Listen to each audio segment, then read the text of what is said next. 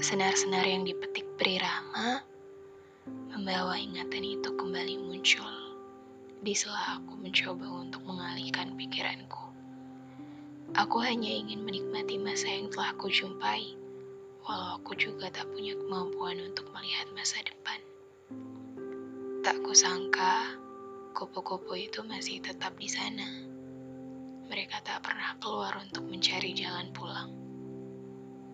Apa mereka tidak lelah, terperangkap dengan nyaman di ruang kosong yang bahkan bukan rumahnya sendiri?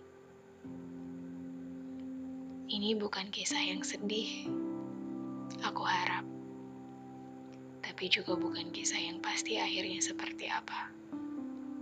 Yang jelas, aku masih tetap di sini, menunggu ketukan pintu yang mungkin akan membawaku pulang.